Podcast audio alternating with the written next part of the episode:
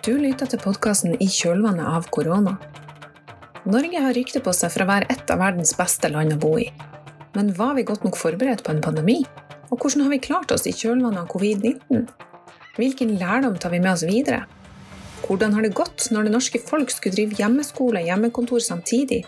Og hvordan har likestillinga hjemme blitt påvirka av dette? Hva med de som måtte stå i samfunnskritiske jobber? Her finner vi mange nordmenn med minoritetsbakgrunn. Vi vil også se på hvilke følger koronakrisen har hatt for de mest sårbare gruppene. Eldre og personer med nedsatt funksjonsevne har fortalt om ensomhet og omlegging av tjenester. Krisesentrene har meldt om unormalt lav aktivitet. Barnevernet har fått langt færre bekymringsmeldinger som går på mistanke om vold og overgrep mot barn. Hva skjedde? Du hører på Likestillingspodden, som er Likestillingssenteret kun sin podkast. Jeg er Lindy Sloan, programleder, og Linn Braseth Gulliksen er redaktør. Dette er første episode i en serie av fem om kjølvannet av korona. Episodene tar utgangspunkt i hvilke følger pandemien covid-19 har hatt utover det rent helsemedisinske. Hva skjer med likestilling i arbeid, mellom kjønn, funksjonshemmedes rettigheter, etniske og språklige minoriteter og vold i nære relasjoner? Episode 1 omhandler et overordnet perspektiv på hvordan koronakrisen har påvirket sårbare grupper som barn, unge og eldre. Med meg i studio har jeg to av de som har et overordnet ansvar for å se på nettopp slike spørsmål. Anna Bjørshol er avdelingsdirektør for seksjonen for likestilling og universell utforming i Barne-, ungdoms- og familiedirektoratet, Bufdir. Bufdir er et likestillingsdirektorat og jobber med alle diskrimineringsgrunnlagene, og har ansvaret for å utrede og formidle kunnskap, blant mye annet. Linda Marie Rustad er direktør for Kilden kjønnsforskning.no. Kilden er Nasjonalt kunnskapssenter for kjønnsperspektiv og kjønnsbalanse i forskning, og driver primært med formidling av forskning på kjønn og likestilling.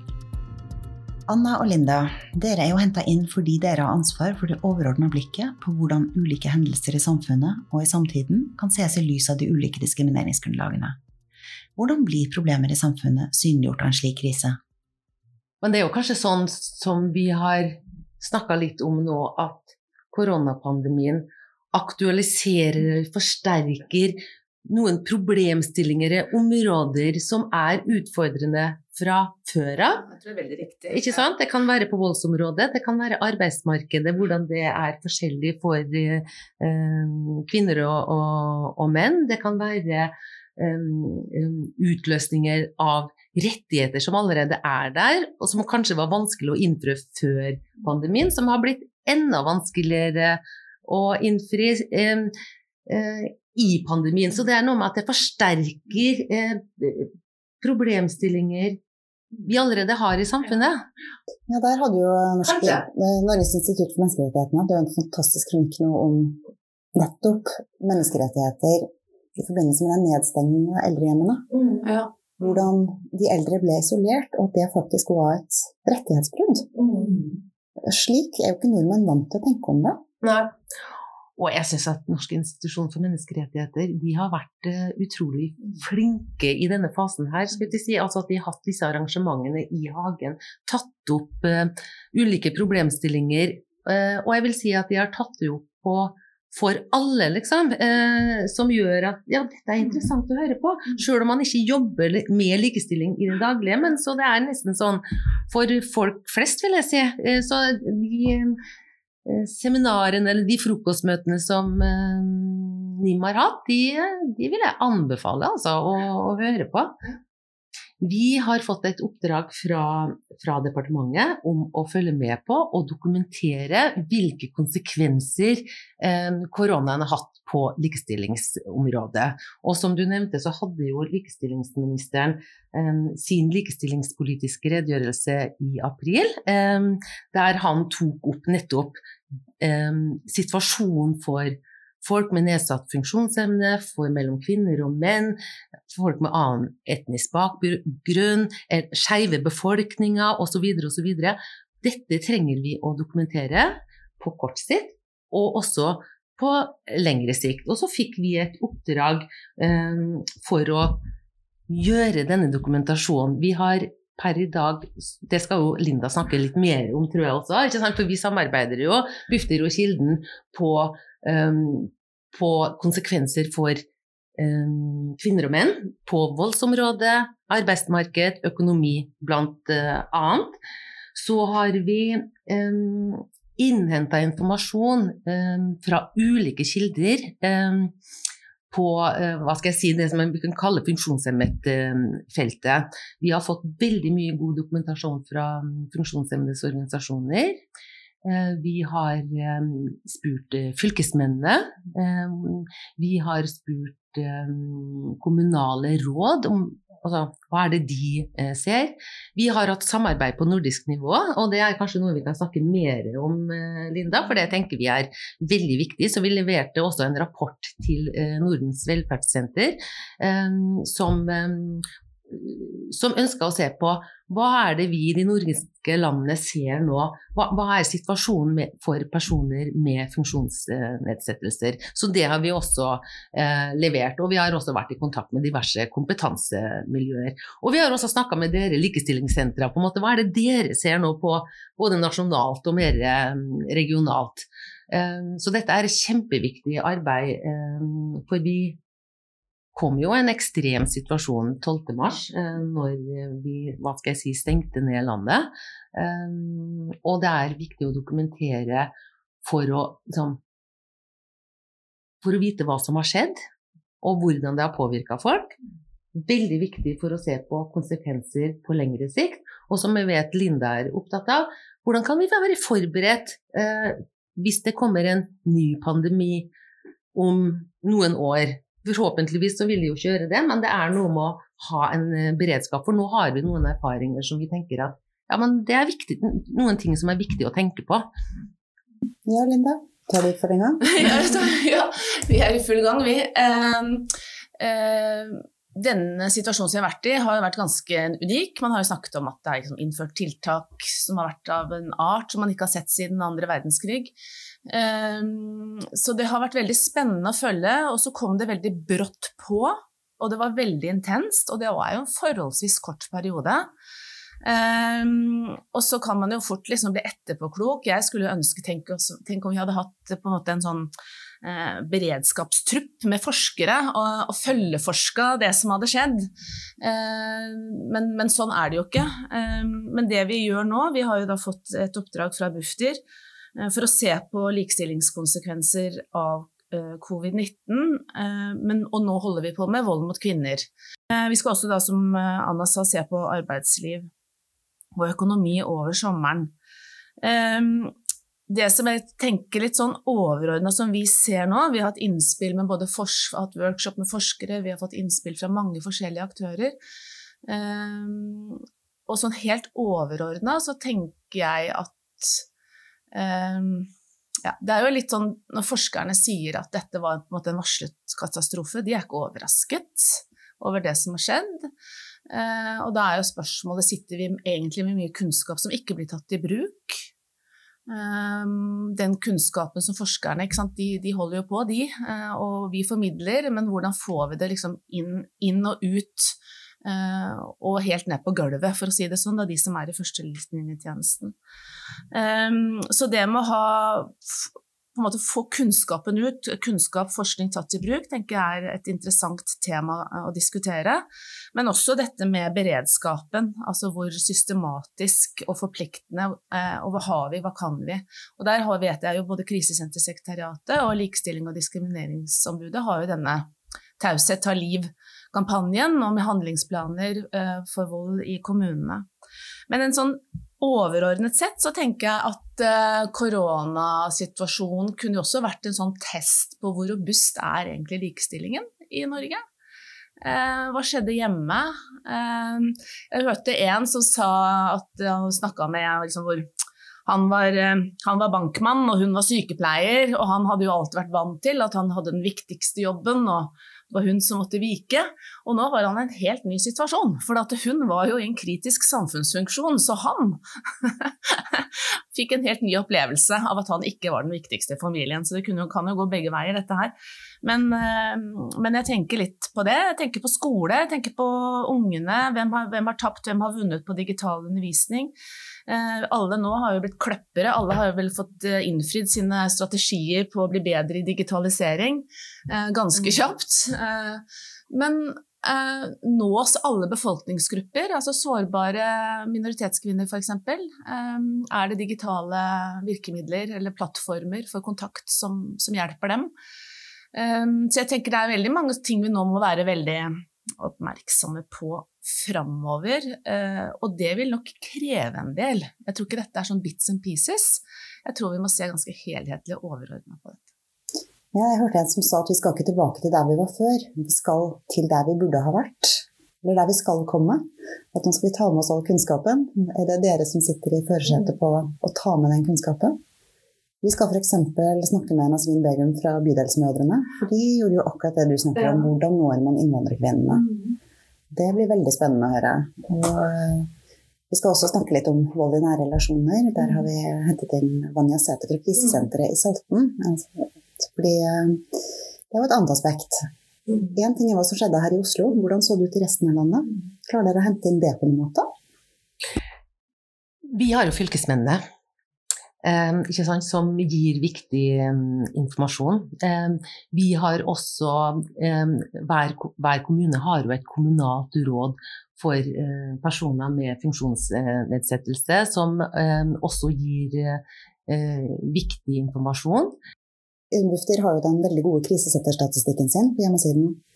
Uh, jeg hørte av Anja at nå, de siste tre ukene, så har krisesenteret i Salten vært tomt. Det er ingen beboere der. For første gang noensinne. Mm. Og vi ser litt forskjellig i forhold til krisesentrene. Det var jo, I starten så, så vi jo det at det var eh, liten pågang til krisesentrene. Eh, det har jo eh, endra seg nå. Ikke sant? Sånn pågangen eh, er jo heldigvis eh, bedre. Eh, Linda og jeg snakka litt om det Um, før vi kom inn hit også. At, uh, og det ser vi også, både når det gjelder for personer med funksjonsnedsettelse, sårbare kvinner, uh, at det er uh, informasjon er, har vært utfordrende. Rett og slett å få god informasjon og eh, riktig eh, informasjon. Det tror jeg det er mange som gir tilbakemelding på eh, at det har variert, eh, variert, veldig. Så jeg fikk liksom den overskriften i hodet. Norge var ikke stengt eh, fordi eh, politiet var der. Krisesentrene var der. Det var også hjelp å få i akutthelsetjenesten var der. Men kommunikasjon, budskapet var hold dere unna helsetjenesten helse. Hold dere unna, bli hjemme. Um, og for da sårbare kvinner som er i utgangspunktet veldig usikre på om de får hjelp. Å ta det skrittet over dør, dørstokken, rett og slett, selv om det er vold i hjemmet, um, kan veldig, uh, føles veldig risikofylt. Samtidig som du selvfølgelig er redd for smitte. Tror, det, men det kom, altså Myndighetene kom på banen også på voldsfeltet, men jeg tror på en måte at det, dette er en sånn Og jeg synes, og, og, all respekt, det har vært veldig mye bra, bra formidling og kommunikasjon, eh, men på dette området så tror jeg at uh, være, dette burde man ha visst uh, i forkant, uh, og ikke begynt å lure på hvordan man skal kom, kommunisere når krisen oppstår. Så det er nok én ting. Og det, i forhold til det regionale, det har vi også sett litt på. For jeg tenker på én ting er at vi har, sånn som du sier, fylkesmannen og vi har kommunalt nivå og sånn. Men jeg tror også at um, Og det også var da en som sa at uh, hos meg, som bor da sant, i veldig hva heter det, grisgrendte strøk, så er det nabokona som jeg har sett litt til meg, som pleier å liksom Men hun er jo hjemme. Alle er hjemme. Det er ikke at vi møtes ikke lenger. Det er lang vei til hjelpeapparatet. Eh, det handler ikke om å ta en telefon, og også kanskje jeg må ta bussen, da. Og så det ikke, går det ikke buss. Så det, vært, så det, tror jeg også er en sånn rett og slett måten vi bor på i dette landet, eh, har også noe å si. Og da må vi rett tilrettelegge kommunikasjonen og beredskapen også ut fra det. Eh, så det syns jeg har vært litt viktig, faktisk, å ha dette regionale perspektivet.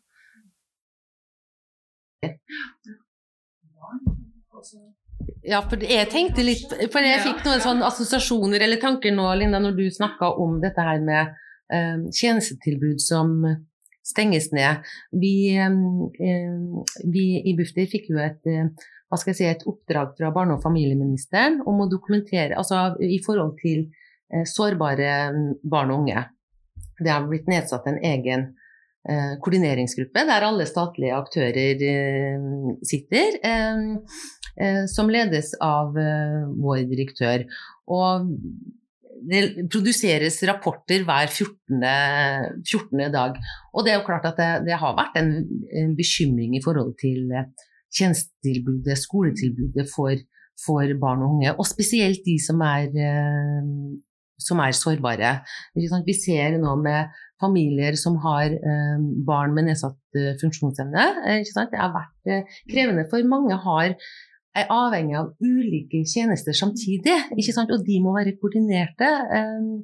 Det er viktig å liksom ha et skoletilbud som fungerer sjøl om du er avhengig av spesialundervisning, og, de, og dette har ikke, det har ikke fungert godt over hele landet. Det vet vi godt. Så det, det, dette er veldig viktig. Det vi også ser, det er jo at um, Linda snakker om sårbare kvinner. For forlengelsen av det så kan vi også snakke om, um, om f.eks. Um, utviklingshemmede som på, kanskje på mange måter liksom stenges litt ut av samfunnet nå. ikke sant? Den der og, og opplevelsen av ensomhet og isolasjon, ehm, den tror jeg mange har eh, eh, kjent på. Spesielt hvis du er ehm, avhengig av, av andre folk, eh, brukerstyrt personlig assistanse, andre tjenester, ikke sant. Så, så,